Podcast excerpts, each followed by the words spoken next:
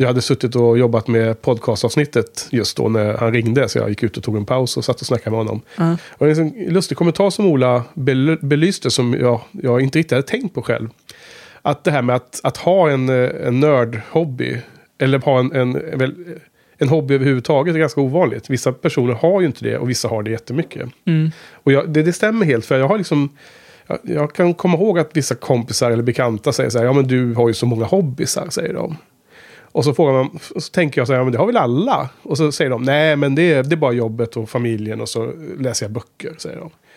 Medan man har en hobby, nu i det här fallet är det en podd och sen är det amerikansk fotboll eller så är det något annat. Då. Det kanske är en personlighetsgrej det här också. Ja, det kan ju också vara att, alltså i Amerika är det ju ofta så att en del ma- hemmafruar har ju som hobby att vara hemmafru liksom. Att de ser det som en hobby nästan, eller som ett intresse. Ja men hur menar du då? Att det är det de nördar in på det.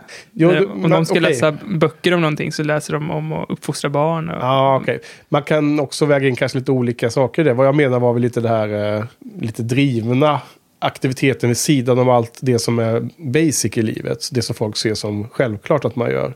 Ja, men... För en del säger så här, jag har inte tid med hobbysar, säger de. Men det har ju, alla har ju samma tid, så det är ju det är på något- på grund av något annat liksom.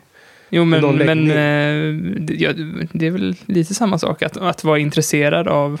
Ja. Att behandla den saken som, som är liksom per default, fast som en hobby då. Ja. Lite åt det hållet, menar du? Ja, precis. Ja. För det finns ju sådana som är så intresserade av film också så att de arbetar med det. Jo, ja. jo, men den där drömmen att få kunna hitta en setup där man jobbar med sin hobby. Visst, det, det är ju vara lyckliga som har den setupen. Liksom. Mm. Det,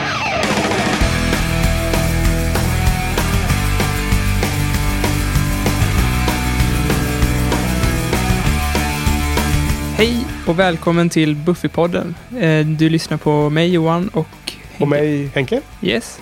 Och eh, i det här avsnittet ska vi prata om episod 21, alltså episod 9 på säsong 2.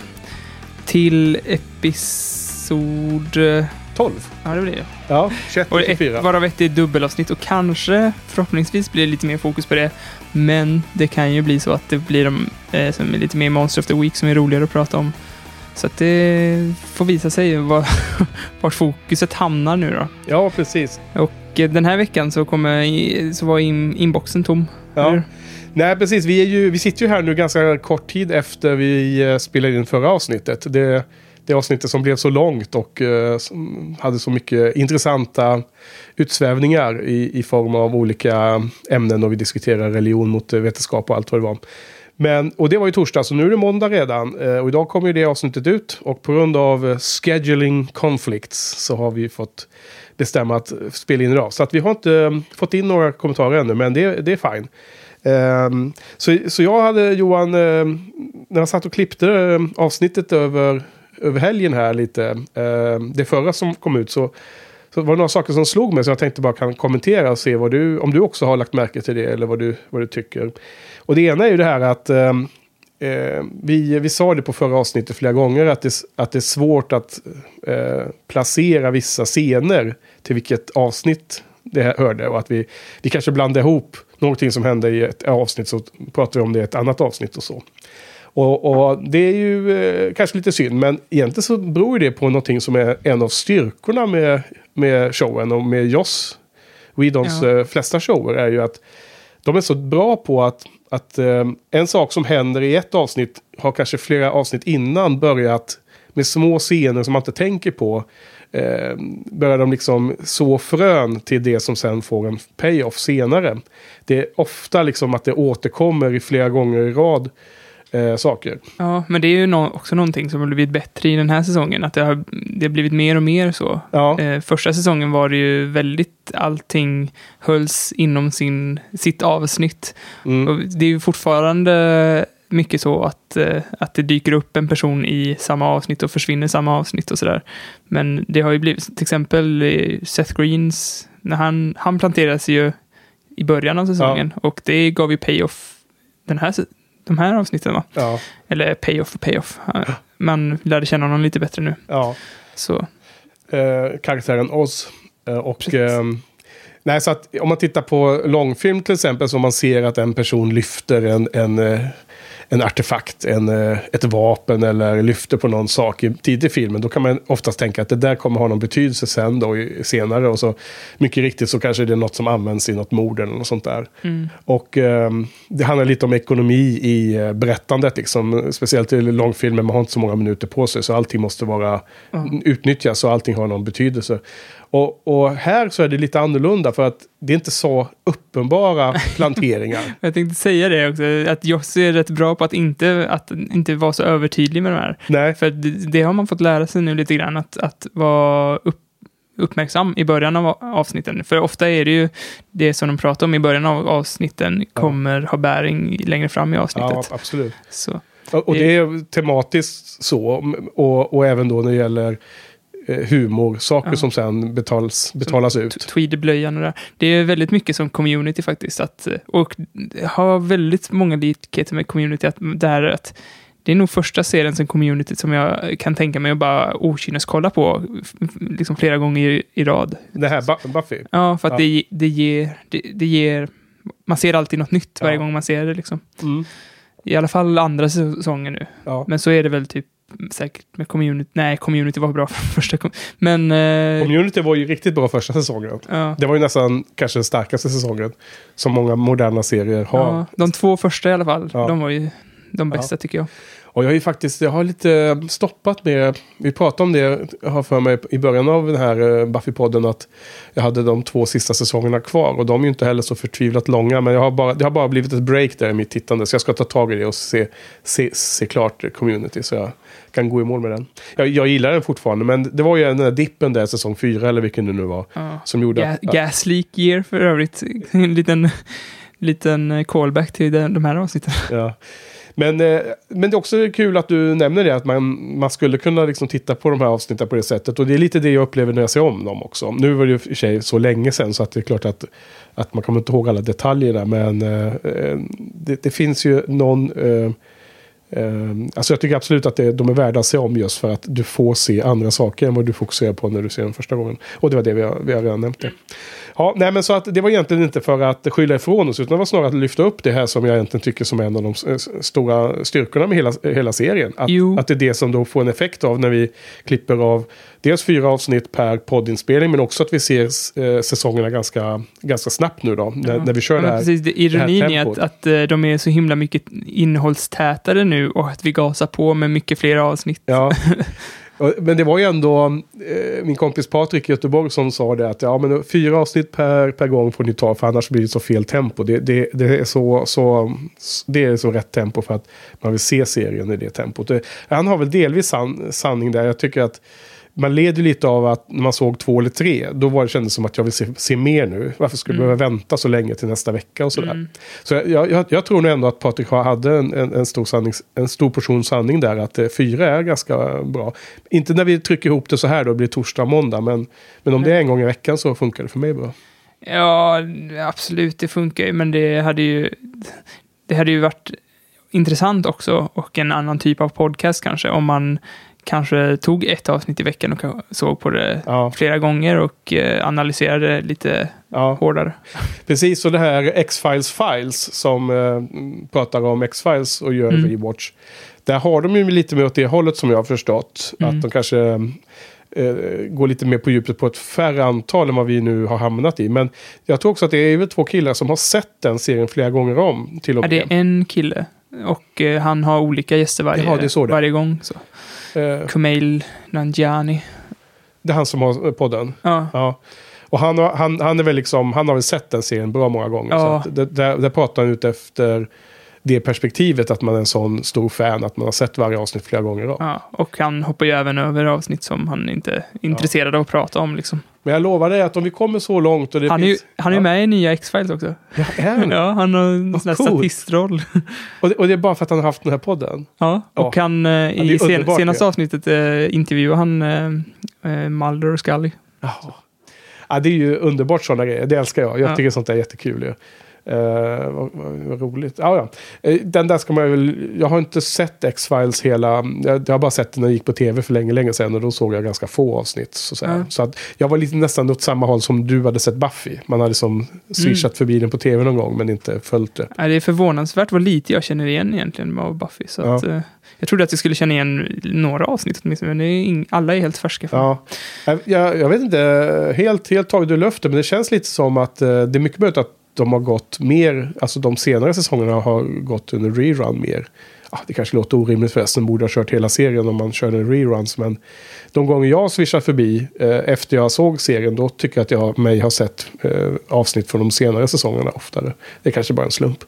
Men eh, jag skulle bara komma till det att om vi nu i framtiden kommer så långt och vi tycker det här är kul att köra vidare på. Och vi, om vi skulle göra Firefly, då lovar jag er, då är det ett avsnitt per podcastavsnitt. För där finns det så mycket i mitt huvud som vill komma ut. Mm, Eh, mm. Men där finns det också bara 14 avsnitt totalt sett Ja, just att det. behandla. Ja, så det var, en, det var en liten kommentar som slog mig i helgen här när jag eh, jobbade lite med, med förra avsnittet. Eh, sen en annan sak, då, jag får väl eh, krypa till korset här då. Eh, för att eh, förra gången så eh, var du inne och hade spaning och du, du helt rätt eh, hade ju fångat upp den här spirande relationen mellan Sander och Cordelia. Helt korrekt. Och jag, jag, jag försökte spela dum och säga, ja, alltså är det din teori och jag vet ingenting och så. Ah, det kanske blir lite på den fåniga sidan, men det var mitt försök att försöka vara neutral och försöka att inte försäga mig på Ja. samma sätt. Det var ju min teori från början, men sen så... Alltså jag lyssnar ju på... Nu har jag fått sluta lyssna på den jävla podcasten, för det spoilar för mycket. Ja. Så nu har jag inte lyssnat på någon podcast i det här avsnittet. Nej. Att, men, En annan Buffy-podd ja, på engelska. ja, Ja, eh, Slayerettes heter mm, de. okej. Men alltså, den ska man inte lyssna på om man inte har Nej, sett nej. avsnitten. Har du fått någon stor spoiler på det som du känner? Eh, ja, ja, det har jag fått. Okej, sorry. Alltid tråkigt men... Ja, det är lite tråkigt. Men, eh, men det, jag tror att det finns många saker kvar som jag inte som kommer förvåna mig. Liksom. Ja, absolut. Men va- varför ville du lyssna på den podden samtidigt som vi spelar in här eh, egen podd? Jag, jag, att- alltså hela anledningen till att jag ville spela in var ju för att grotta ner mig och nörda ner mig i ett Ja. ämne. Ja, Så jag läser massa recaps och s- ser vad f- folk säger och sådär. Ja. Och, och eh, läser massa sådana här eh, fakta om avsnitten. Mm. Det är också tycker jag är väldigt intressant. Jag skulle nästan vilja eh, låna din box och se på extra materialet. ja, Jag gillar ju Joss också. Han är ju jätteduktig på att prata. Allt han säger är ju liksom jätteintressant. Det är Mm. nästan som Kevin Smith, fast Kevin Smith är... Han snackar ju intressantare än hans filmer nästan. Så, ja just det. så är det väl inte riktigt med Joss. Precis. Jag har ju min eh, topp 100-lista med på favoritfilmer som jag håller Mm. på att pu- publicera på min blogg just nu. Och det är lustigt nog att jag har ju typ köpt alla Kevin Smith-filmer på så fina utgåvor och så som jag hittat då, då med, med dubbeldiskar och extra material och allt möjligt. Men Mm. ingen av dem är på topp 100 faktiskt. Alltså det, det, det liksom ligger lite under den gränsen. Men det är fortfarande, jag gillar hans, hela, hela hans grej med honom som person och han, Ja. han, han själv. Mer än kanske individuellt varje enskild film. Då, då. Så att eh, han är en favorit men inte med de extrema topparna som krävs för den där topp 100-listan. Det är ju, Nej, jag såg Så. faktiskt om min favoritfilm Clerks 2. Den är Ja. ju... Den, den håller. nej, Den den, håller den, den håller ju, men det är ju... Fan, det är ju mer nostalgi än, än liksom... Mm.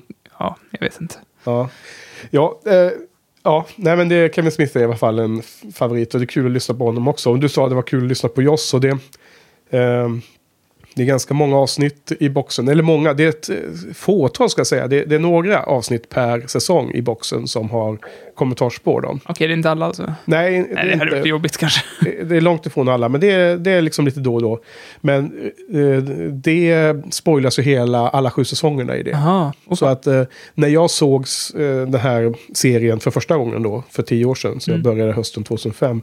Då, eh, och så har jag den här boxen här då ju.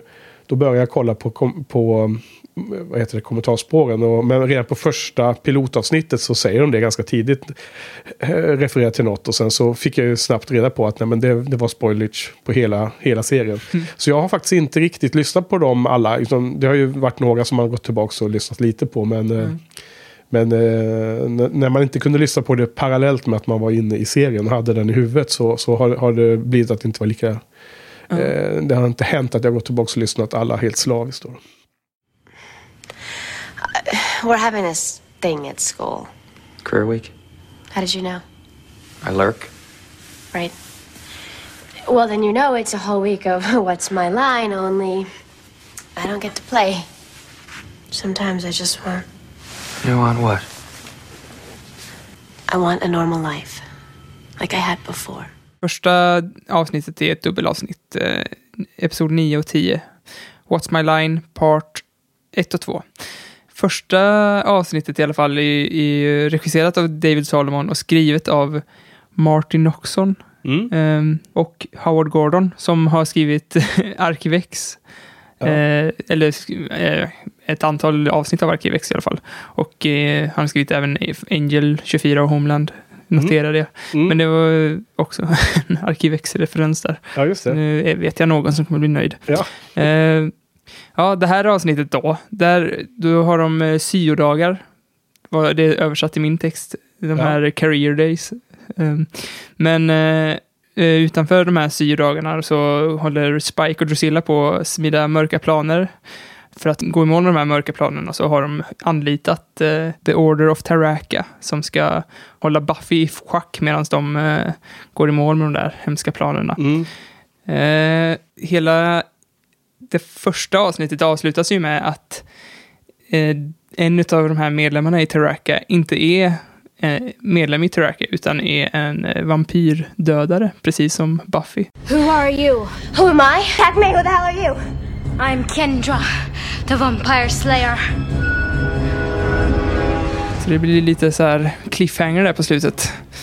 Nej, precis. ehm, Jag bryter in här lite då. eh, Så What's My Line är ju eh, ett dubbelavsnitt som också är egentligen ett enda långt avsnitt som bara är klippt på mitten med en cliffhanger. Ja, Medan vissa andra dubbelavsnitt i serien är eh, hör ihop jättemycket men har ändå två separata avsnitt om du tänker dig. Det här är liksom Mm. som en, en 90 minuters film fast klippt. ja på. hur gör vi när vi sätter betyg på den här? För, för att man... eh, Ja, det är ju ganska likt det första dubbelavsnittet som är de här två första avsnitten, Welcome to the Hellmouth och The Harvest. Och där kommer Mm. vi, vi båda att vi tyckte att det för- allra första halvan, första halvan, den, Welcome to the Hellmouth, var ju starkare än The Harvest. För då Ja. var det ju mest springande i kloakerna, tror jag du så kallade det. Ehm, Så att vi får väl, eh, vi kan väl känna på det. Eh, Ja, i det här fallet, för den här gången så tycker jag att det är samma betyg för hela. Ja, jag tror också det. Så att det, Eh, det, det- kanske inte spelar någon roll då. Det liksom känns som att det inte blir eh, relevant att eh, separera de här två. Nej.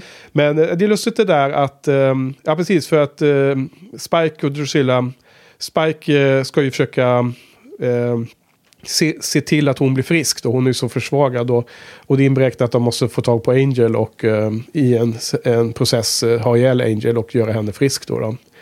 Och, Mm. eh, och då ska de ha de här lönnmördarna då, vad hette de då? The, Order of Taraka. Okej, ja. Och det där är min första kommentar om vi ska börja lite med lite kritik om, på avsnittet. Att det, det, det känns som att det gång efter gång så kommer det så här jättefarliga motståndare. Men sen så är de liksom inte så här jättefarliga. Nej. Alltså det, det är lite så att de du vet, ropar efter vargen. Nu kommer den världens farligaste motståndare. Ja. Men så går de åt och så är de Isn't it bara- overkill? It's just the right amount of kill. I need to bring in the big guns. I'll take care of her once and for all. Big guns? The Order of Taraka. The bounty hunters? They're coming to my party. Three of them. Yes, but. The Order of Taraka, I mean, isn't that overkill? No. I think it's just enough kill.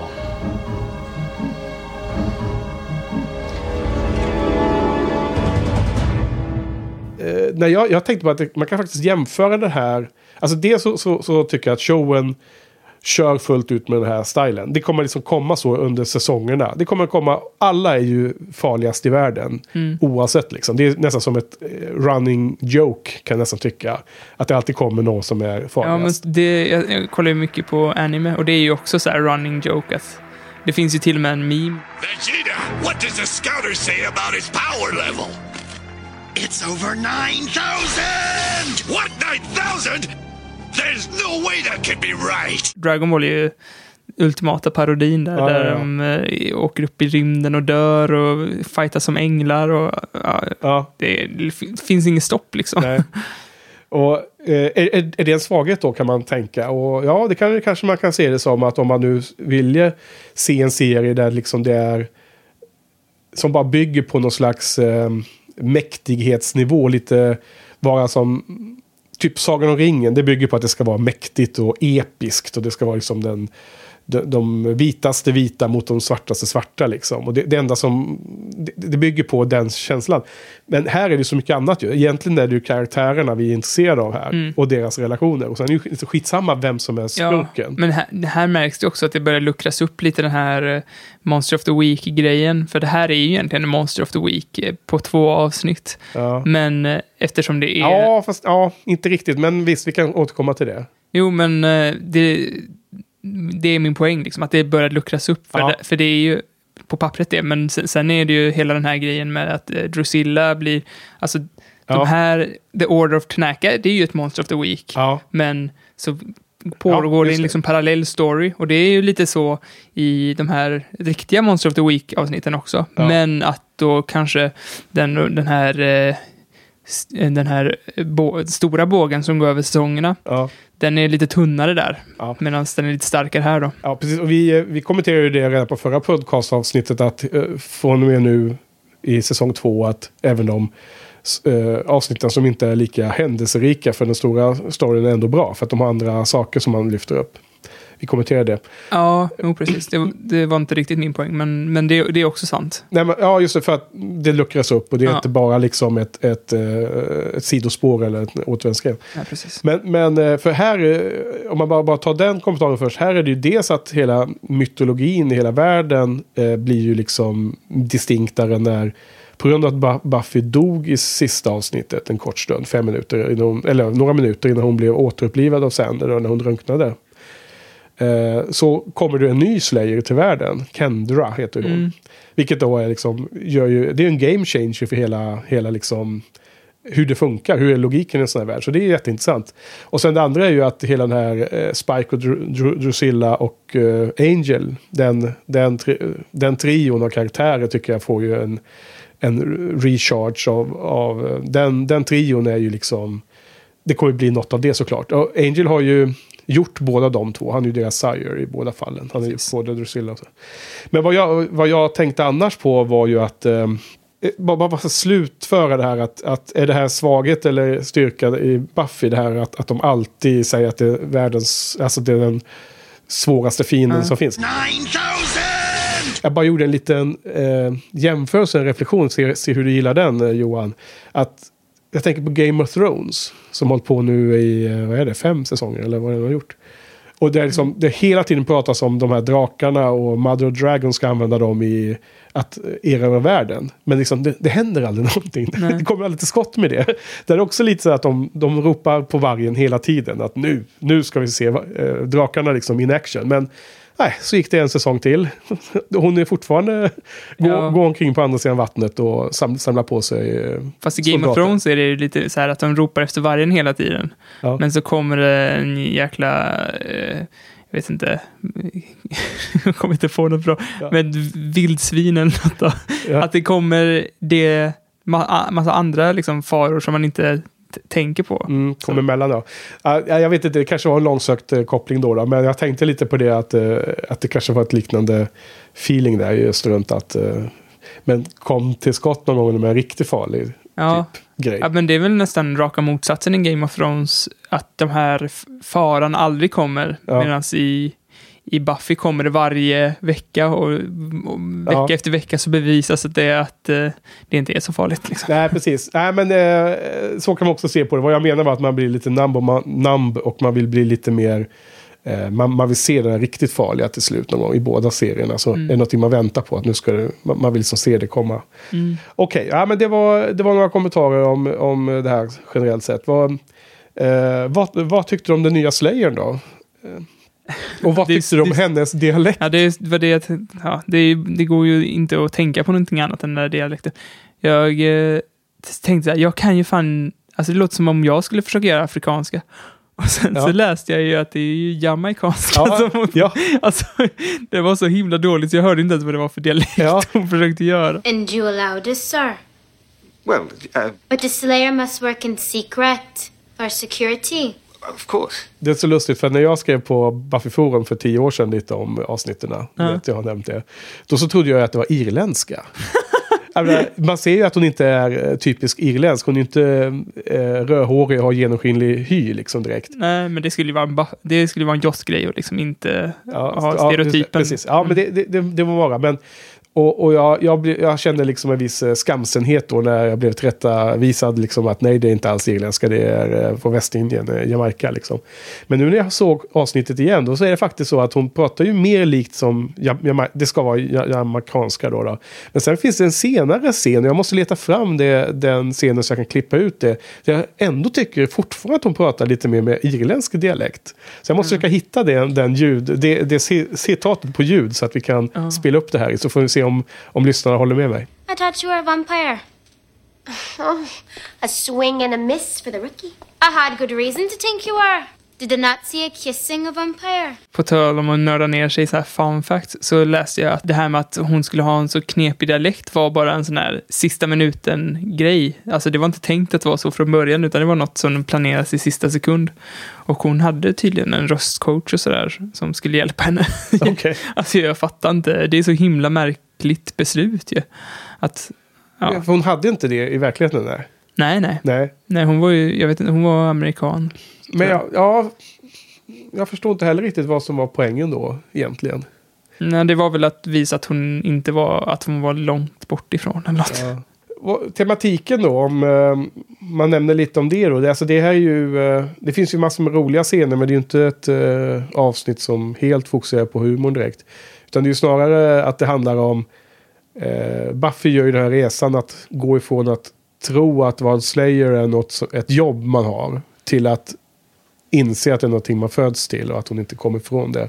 Hela den här, eh, det börjar med att de, eh, eh, vad, vad kallar du det, syo-konsulentdag? Syo, ja, syodagarna. Ja, de får, jag, jag vet inte om det här är generellt i amerikanska skolan, men där, de, de tar ju någon form av test för att där resultatet ska indikera vilken typer av eh, branscher man passar inom. Mm. Och ehm, Buffy får väl polis för övrigt då, vilket eh, passar ju väl till vad en slayer är för något. Ja. Och eh, Sander får att han skulle jobba med köra sopor eller vad var det? Här- Ja, jag kommer inte ihåg riktigt. Det var något sånt. Jag tapp- tappade nästan också, jag tror det var det.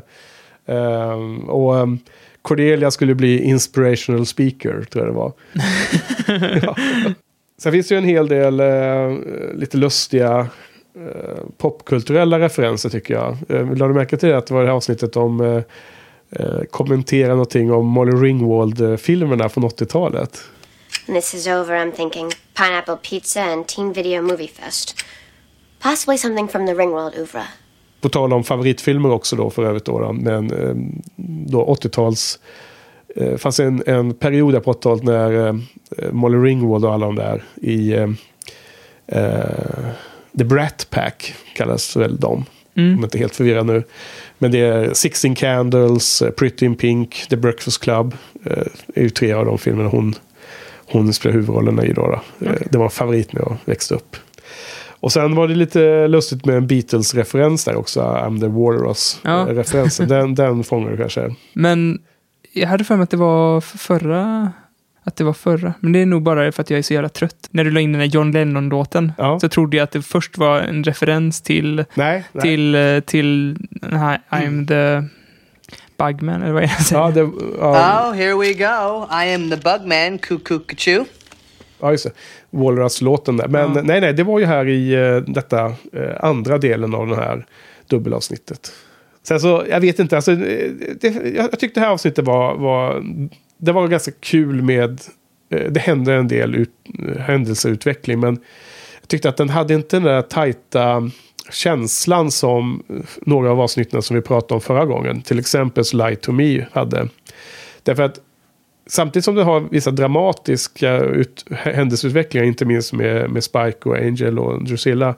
Så är det ju det här att nu äntligen då, det du hade spaning på, att eh, Sander och ehm, Cordelia blir ju ihop här om man säger så. De, de smyger in i, i eh, vad heter det, små, om, ja, Städskrubben. städskrubben ja, och har, har det smoochies där då. då. De eh, najsar hej vilt. Och eh, det hade du ju redan fattat innan. Och det jag försökte eh, blå, blåneka förra gången. Men där har ju showen slängt in en, en ljudeffekt flera gånger när de... Nej, inte så, utan det är en, det är liksom en, eh, en ljudeffekt som om det var en gammal film där, Ja. där de äntligen fick varandra. Och det är liksom en, en smäktande eh, musik i bakgrunden. Ja, första gången det hände så bara, då tog jag mig lite för pannan. Ja. Men sen så fattade jag ju att det var lite så här på skoj. För Ja, men att det, det var, var så skoj. varje gång de eh, Exakt. satte igång så körde de den. Ja, The memory of your lips on mine makes my blood run cold. If you dare breathe a word of this, Like I want anyone to know. then it's a race. Never happened. Good. Good. Good.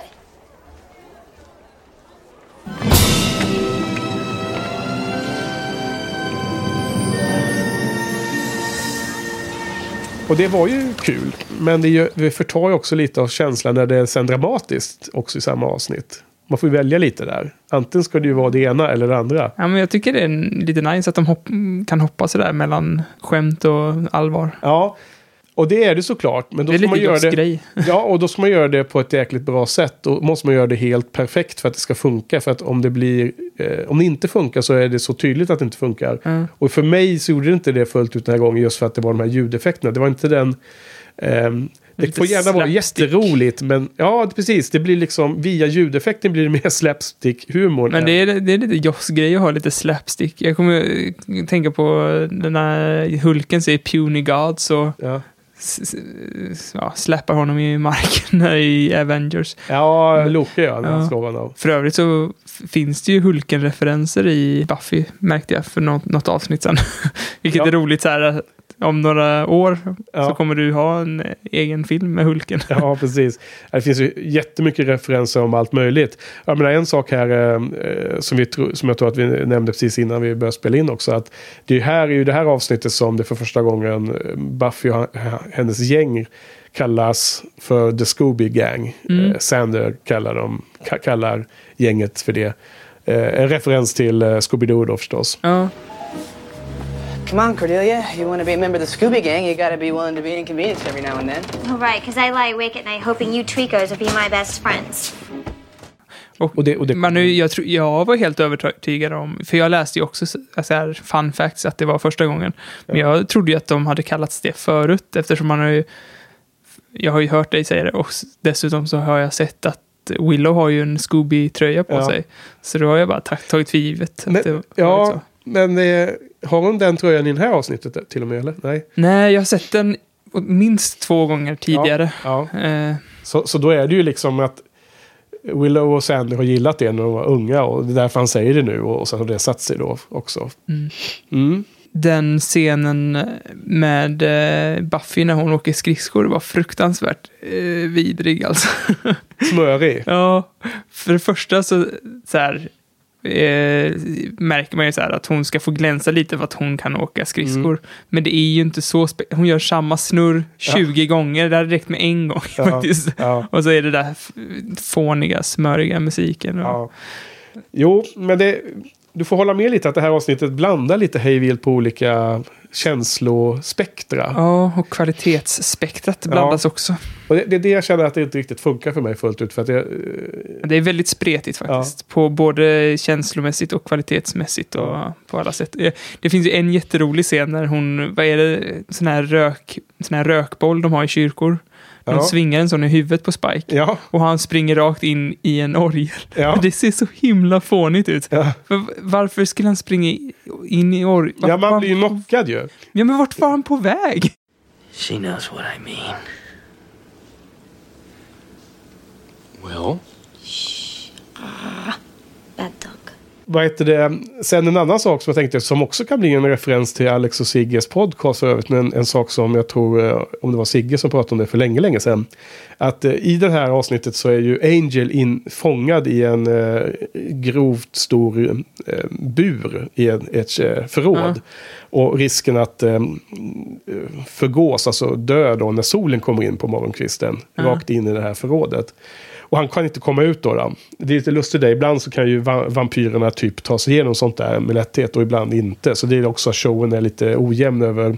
Ja, men det pratade de faktiskt om i Slayerettes också. Att, Ja. de, att de hoppade över, i, typ, bland de första avsnitten, hon hoppade över stängslet där på skolan. Eller Ja. där, ja, vad det nu är. Buffy hoppade över där. Ja. Så här, så här helt jätteövernaturliga krafter. Och sen kan inte han ens eh, ta sig ur den här buren. Han, Därför att jag, jag tänkte på den här, eh, ska vi se här, vilket avsnitt är det när de, eh, ja men det är väl Lightom när de, eh, eh, de här eh, personerna som vill bli vampyrer som har, har det där, eh, den här sekten som vi pratade om då i förra veckan. Eh, där blir ju Spike och hans gäng inlåsta bakom den jättetjocka metalldörren som Buffy inte kunde ta sig ut från. Hon är ju fast där ett tag. Hon, hon, hon tar sig ut genom att eh, ta Drusilla som gisslan så får hon ju gå. Kommer du ihåg det? Sen så går ju de, har ju, va, vampyrerna har ju tagit sig ut där senare får man se. De har ju bara brutit upp den där liksom. Mm. Och, och så, så därför så är det lite ologiskt. Men det är också en sån här grej som jag tror att showen bara eh, flinar lite och säger åt oss, ja det, det där får ni ta. Ibland så är de superstarka, ibland så kan de röra sig jättefort och ibland är det lite mer normalt. Så här i alla fall tänkte jag på det. Och det, kopplingen till eh, vad Stig pratade om. Det var ju det att eh, den där scenen hade ju inte funkat idag. När alla har mobiltelefoner. Det här är ju en värld där alla har fasta telefoner. När man ringer till varandra, eh, till hemtelefon till hemtelefon. I, I dagsläget då när de har, alla har mobiltelefoner, då, då tar man bort alla sådana här eh, scener där någon är fast någonstans och måste få hjälp men kan inte kommunicera. Men det där är ju en spaning som är med i varenda ny sk- skräckfilm. Det är ju standard. Förut så, så var det liksom att man inte hade mobiltelefon. Nu ska man skoja om att man inte har Ja, och så i det- skräckfilmer alltså. Ja, det, antingen gör man ett skämt om det eller så är det att det är radioskugga eller batteriet är slut. Ja, eller vad det fan, jag såg någon film för jättelite sen eh, med, med hon från eh, den här skräck, eh, American Horror Story. Ja, har inte jag sett. Du, nu, nu tar jag en paus. Jag måste gå och snyta mig. Ja. Ja. Är vi igång? Har du eh, kollat fram vilken eh, skräckfilm det var? Du? Ja, en punch och en googling senare så Ja. var det The Final Girls. Och Malin Åkerman eh, var det som var den svenska människan där. Ja. Och Taisa Farmiga. Okej. Vet jag inte ifall jag uttalar rätt, men det var hon som var med i American Horror Story. Där gör de i alla fall mycket, där skojar de om mobiltelefoner och sånt. Nej, den, den där filmen har jag inte ens spaning på. Den har jag inte koll på. Nej. Så. Ja, men du, eh, Johan bjuder på punch idag. Det är lite udda. Ja, det är för att du inte ska snora så mycket, men det hjälpte ju inte så mycket. Nej. Du snor ändå. Ja. ja, skål. Det var, det var sött det. Mm, det ska... Vi får ta, ta mer kaffe sen. Okej, men eh, vad säger du om eh, What's My Line? Ehm, kan inte du börja den här gången? Ja, precis. Eh, jag skulle säga att det är för mig eh, en femma så som jag sätter betygen nu. Eh, för, för och, ja, gemensamt betyg för båda delarna. Bra, helt enkelt. Mm. Eh, och jag sätter nog fyra. Helt okej, godkänt, lika delar bra som dåligt. Okej. För att det var så spretigt liksom. Ja, eh, jo, precis. Och det tyckte jag ju också förvisso. Samtidigt tyckte jag att det var en del eh, eh, händelser som hände som, som, som ändå tog storyn framåt. Det känns som att det, Ja, det var värt det. Där- Extra bonus i, i, i betyget. Där. det där staketet som, alltså jag stör mig inte på det, men det var roligt. Det var också kuriosa att, jag, att eh, de hade, när Angel blev instängd där, Ja. så hade de bett de som fixar rekvisita om ett jättelås, så hade de fått ett litet cykellås. Okej. Så det- var också en sån grej. Och det var, såg lite roligt ut när han skulle försöka ta sig ut därifrån. Han bara ställde sig och typ grimaserade för att hade han tagit i med, liksom, Ja. på riktigt så hade det nog kommit igenom där även som människa tror jag. Ja, precis.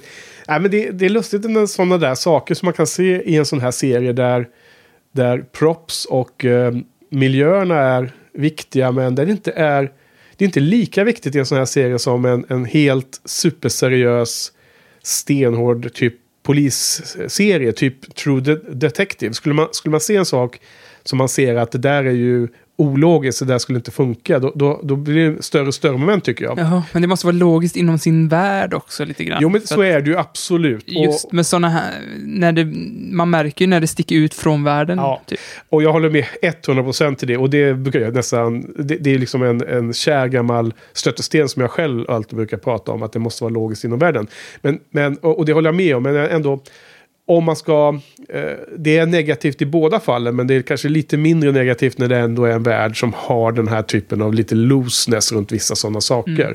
Där, där som showen också kan blinka lite till oss och tycka att... Eh, Det skulle, Buffy kunde, skulle kunna ge Angel en kommentar och frågat va, kunde du inte ta dig igenom den här klena cykeldörren? precis. och så hade det varit helt okej. liksom. Ja, och det, och det är det jag bara menar att man skulle kunna acceptera en sån sak gör att den världen är mer mottaglig för att kunna se igenom fingrarna på en sån här Men det är ju en exakt sån grej egentligen som händer när, när, när Buffy frågar Angel, "Va- hur visste du att vi hade syodagar? Och Ja. han säger, mm, I'm lurking, Ja. eller sånt där. Ja, och, och då köper man det. Ja. Okej, han, han, han kan inte vara ute på dagen. Nej. För att han tål inte solen. Men nej, han kanske visste det ändå på något Ja, sätt. han, han, han är en liten stalker. Så. Mm. Men du, vi går vidare va? Hey, how about that? Got a hole in two. Beg to differ. Okay, so find my score or whatever. I think you're missing the point here, little lady. Right is right, wrong is wrong. Why don't people see that? It's just a game. Right, it's just a game, do your own thing. Well, I'm not wired that way. And I'm here to tell you it is not a game. It does count, and I don't stand for that kind of malarkey in my house. But I guess it's a good thing I'm not in your house. Do you want me to slap that smartass mouth of yours? Who's up for dessert? I made chocolate chip cookies! Då kommer vi till eh, det elfte avsnittet på eh, säsong två. Och som heter Ted. Och, eh, det här är faktiskt ett avsnitt som är regisserat av Bruce Seth Green, våran eh, fa- favvis. Och det är skrivet då av Joss Whedon och eh, David Greenwald. Så att det här är ju, eh, man hajar till och tänker att oj, nu kan det vara en bra grej här. Är det nu extra bra? Eh, förberedd. Är Joss har varit med och skrivit det. Även på pappret. Inte bara spökskrivare och dialog. Men eh, inte helt rätt. Även solen har ju sina fläckar. Det är ett avsnitt som handlar om att eh, Buffys mamma får en ny pojkvän och att det skär sig mellan Buffy och den här nya snubben som heter Ted. Då. Och eh, vi skulle hålla synopsis kort, så jag säger inte mer än så. Vad tyckte du om Ted? Avsnittet Ted. Och vad tyckte du om Ted-karaktären? Eh, jag tyckte det var ju fruktansvärt märkligt. Fr- på tal om saker som ska passa i sin egna värld Ja. och sådär. Så tänkte jag, hur fan ska de... Hur, hur ska de avsluta det här avsnittet egentligen? Ja. Det är en jävla... Och de, och de liksom... De, de tar inte i liksom konsekvens... Alltså det, det har ju konsekvenser av att det är en, en robot och eh, Buffy har ju dödat någon. Och Ja. det, jag fattar, så här, det går inte ihop logiskt det här avsnittet. Ja, det, det, är ett, det är ett avsnitt med två ansikten helt klart. Och jag kanske måste säga lite mer om handlingen ändå för att det ska vara förståbart vad vi pratar om. Eh, I eh, den här Ted är ju då eh, charmar mamman 100% men så fort han är ensam med Buffy så kommer en annan sida fram med honom. Han är, han är abusive och eh, börjar beordra henne massa saker och de, de blir ju fiender ganska snart. Och allting är fortfarande som om det bara vore en ganska jobbig styrpappa styvpappa som har flyttat in. Liksom. Men sen så eh, blir det ett bråk mellan dem och Buffy eh, slår till honom och han snubblar och ramlar ner för en, en trappa och, och, och bryter nacken och dör. Och fram till dit så är ju då, och, och då är det ju liksom allvarlig händelse. Eh, där blir det ju en total kris. Buffy blir ju helt eh, knäckt av den här eh, Och där, händelsen. exakt där blir det ju stora problem i tonen av det här avsnittet. Ja, och det blir väldigt mörkt. Men sen då, precis i slutet av, av det avsnittet så dyker han upp igen och så visar det sig att han är en robot. Eh, Ja. Han är en, en robot som är gjord av... Eh, alltså den riktiga Ted som är död då sedan länge har gjort en robot för att leva vidare typ. Och den där roboten försöker ska, eh, dejta eh, vuxna kvinnor och eh, liksom ersätter sin... Sen kidnappar han dem och håller dem fånge och sen så, Så har han, han är alltså en seriemördare dessutom. Så han, han, det var fara och färde. Så att Fara och. Ja, avsnitt med två helt olika delar. Där den första delen fram till och med att man får reda på att han, är en, eh, att han återkommer och han, han har varit en robot hela tiden. Alltså så länge man tror att hon verkligen, Buffy då, har dödat en människa så är det ju ett typ av avsnitt. Och bra tycker jag. Ganska Ja, kul. ja. Spännande utveckling. Eller? Ja, man förstår inte riktigt vad...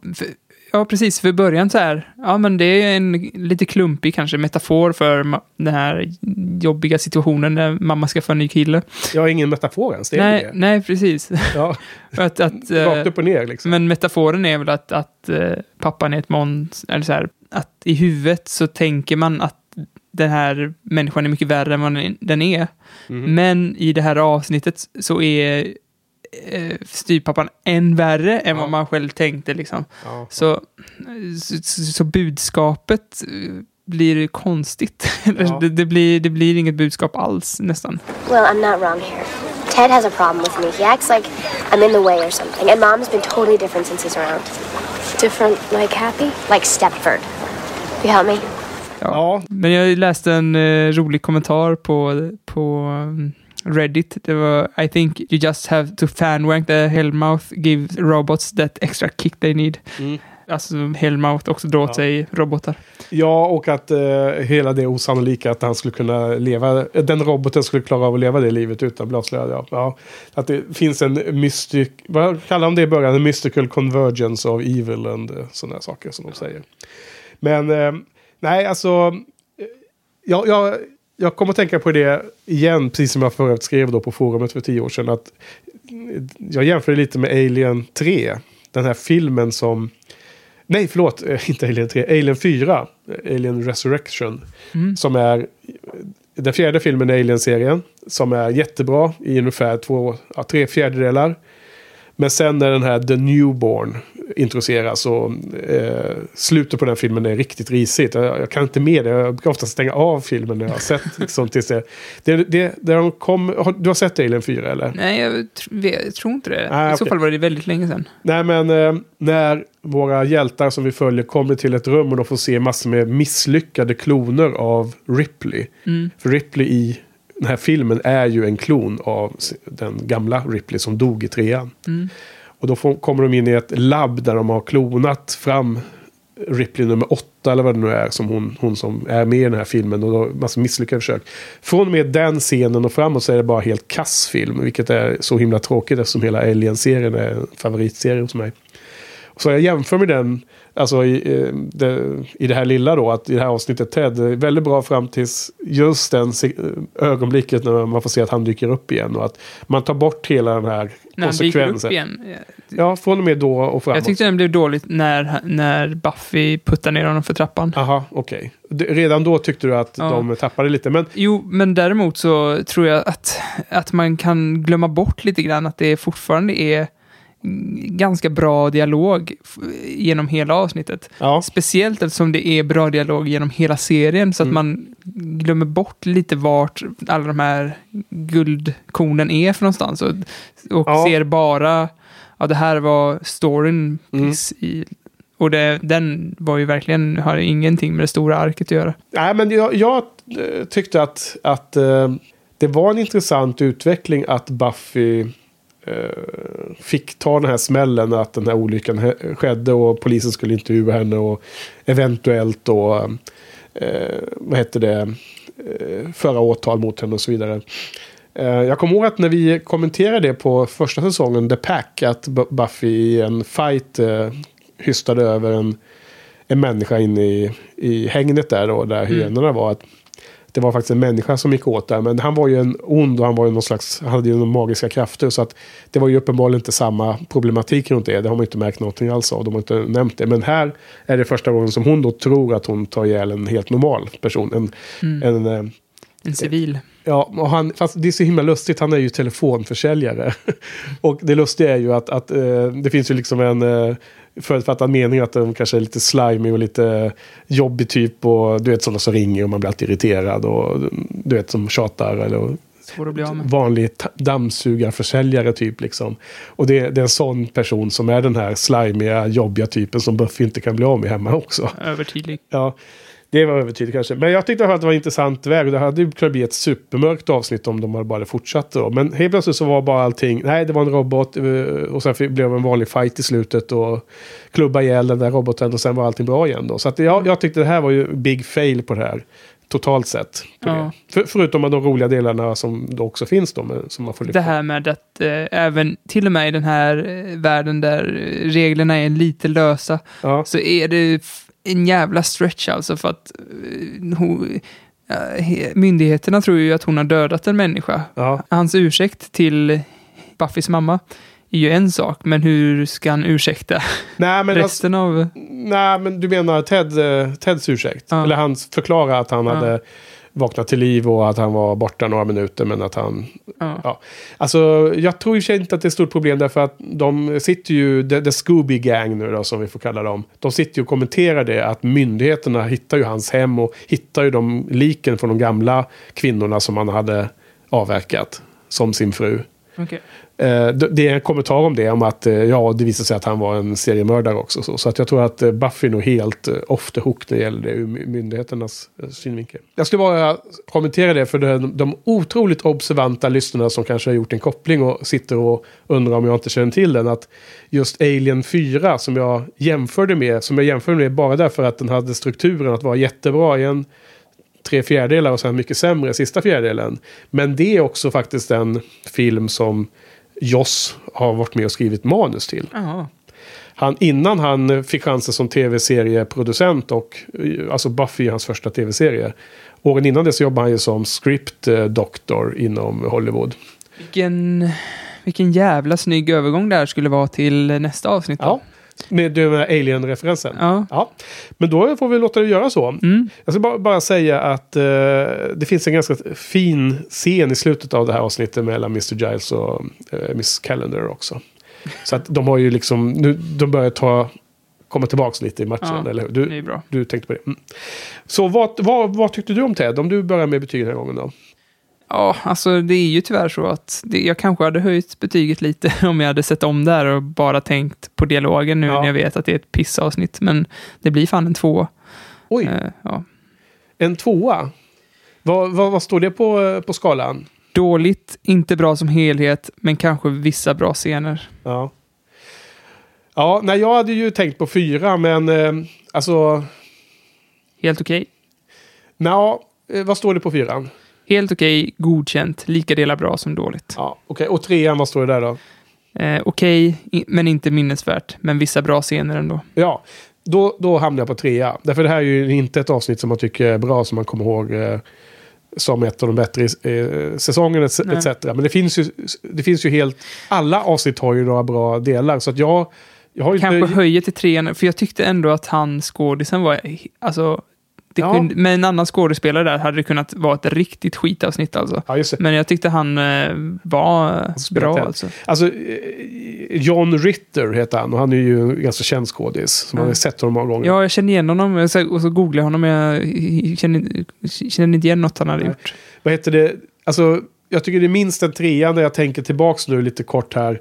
Hela den här scenen när han har bjudit med Buffy och hennes kompisar och mamman då ut på minigolf är ju bara hur bra som helst. Ja. Den, den scenen och när... Den kunde ju blivit skitpaj om inte han hade behandlat scenen så bra. Ja men han är bra men också Buffy är bra för att hon är så Ja. otroligt obekväm med att, att hon känner ju...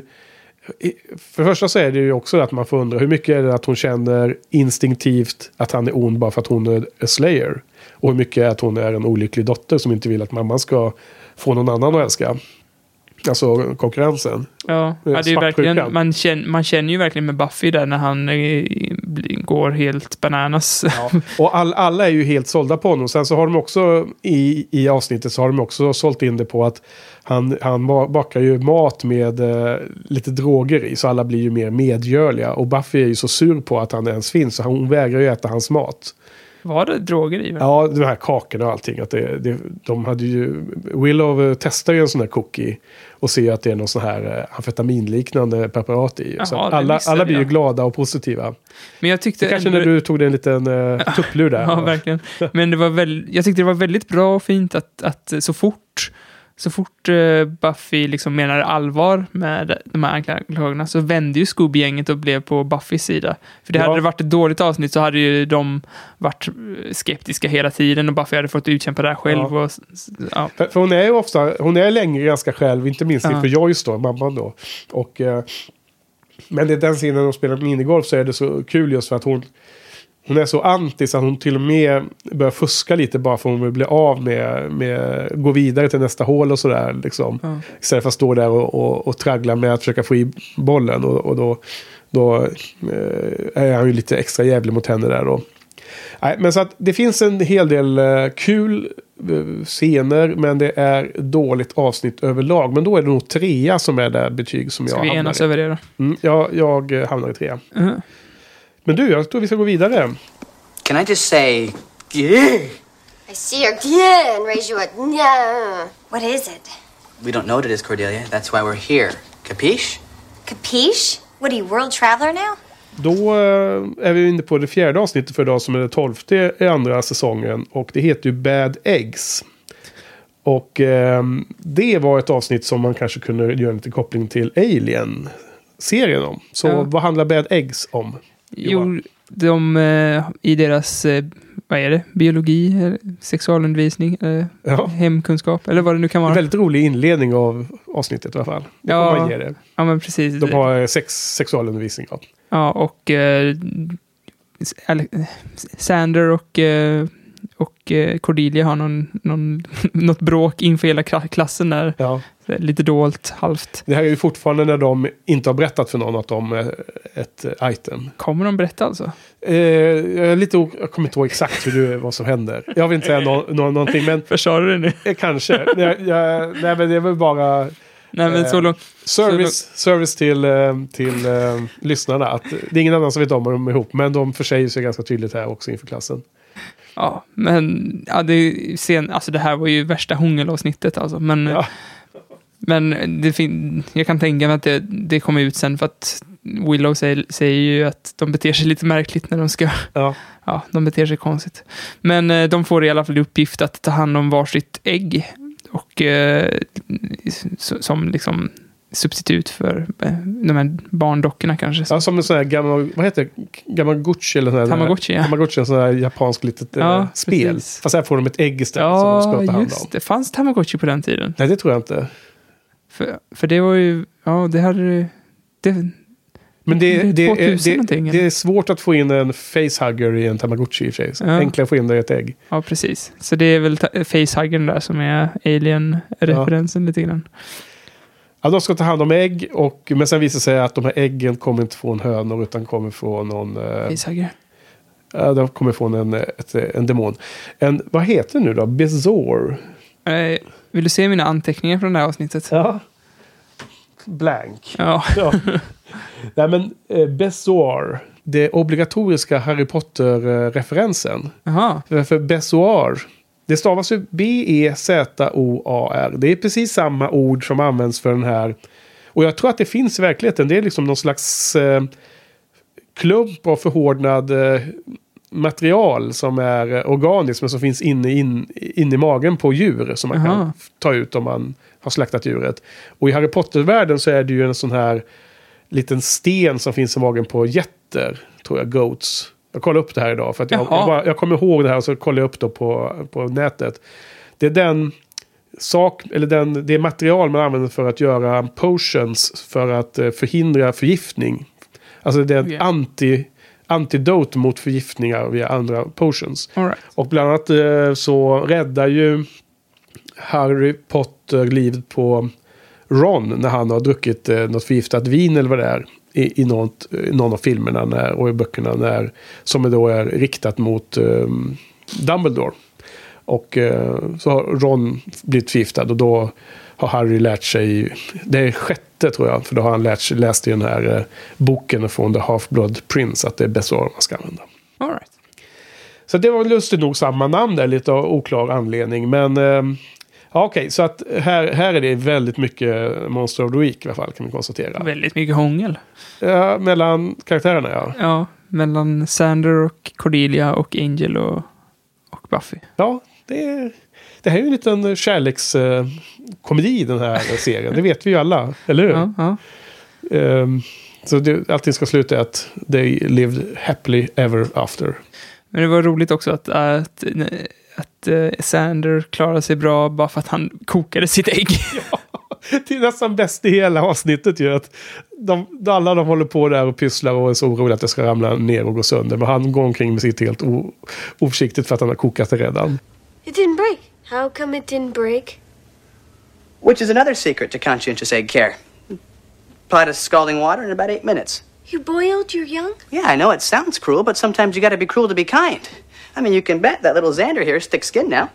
Så att han har tagit ihjäl den här eh, lilla djuret som finns inuti. För, för vad som händer är att de, när de sover så kommer det här djuret ut ur ägget och sätter sig på ryggraden på något sätt på personen. Och då blir det också lite mer det här eh, in, eh, inv- Invasion of Body Snatchers eh, referens där. Liksom, att de tar över alla människorna då som får en sånt här äckel på, på sin rygg.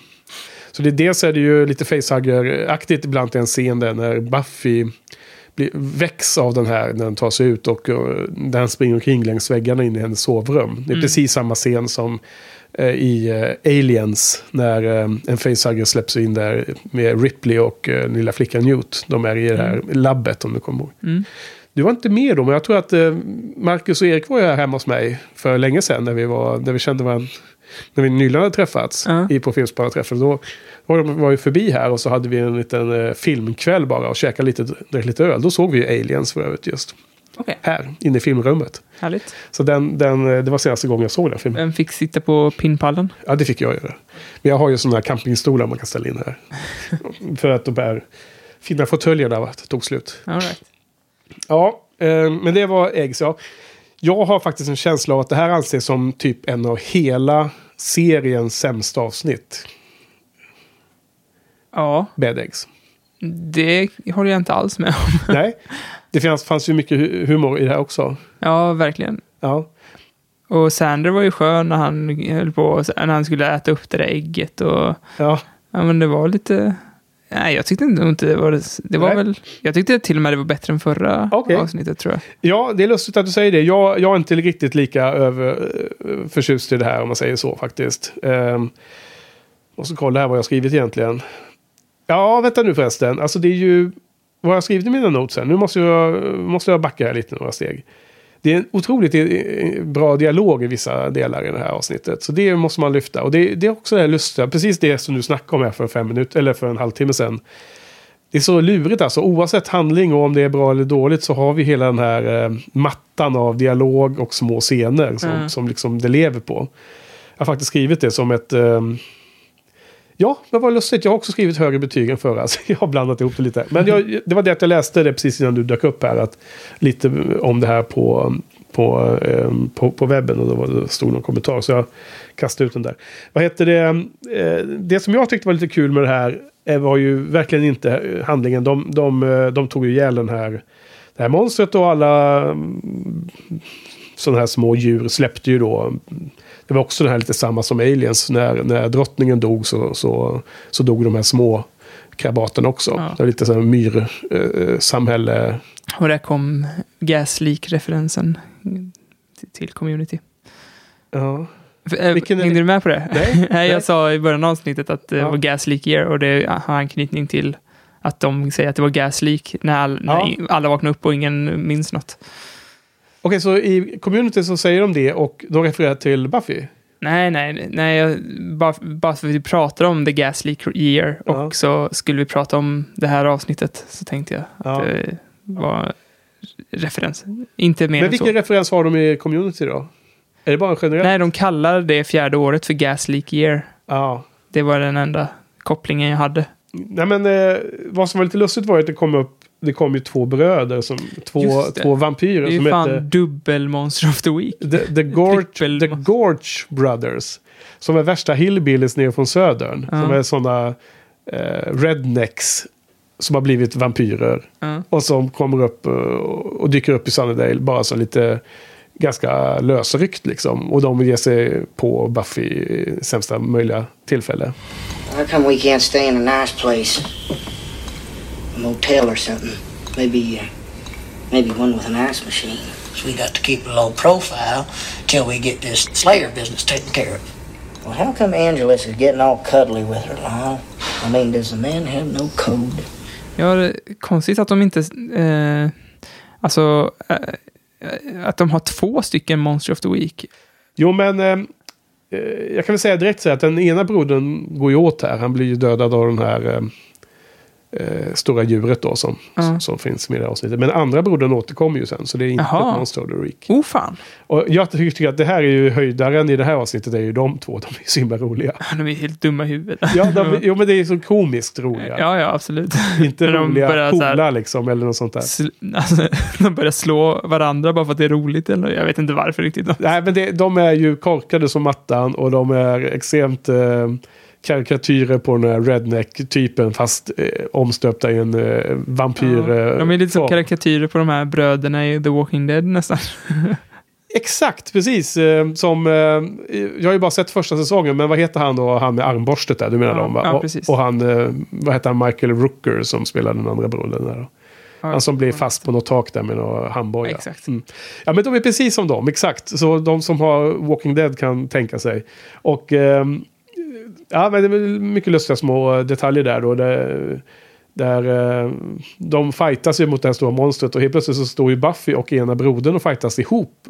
Och sen när de liksom har vunnit mot motståndarna så bara de tittar på varandra och så börjar de fightas mot varandra för då, då har de ju glömt ett tag att de var egentligen mot varandra Ja, först. och man förstår att de är dumma i huvudet när de typ, ja, ah, det är du som är The Slayer, dig har man ju hört talas om. Ja, men du kanske ska vara lite rädd då, om det är The Slayer du slåss mot. Sen så kommer jag ihåg att någon eh, läs, säger någonting om dem, om det är Mr. Giles antagligen, för han har ju sina gamla böcker han, han har refererat till. Då, då. Mm. Han säger någonting, ja de här bröderna är ju hårda och de eh, slaktade en hel by nere i eh, Mexiko på 1800-talet då. Och, och så någon som kommenterar någonting, ja de måste vara liksom vilda vampyrer då liksom. Nej nej, det var före de blev vam- vampyrer. Ja. Så att de var bad seeds från första början. Nej, de är lite roliga. Och jag tror vi, vi får återse någon av dem, vilken nu är då, om det är Lyle eller vem det är.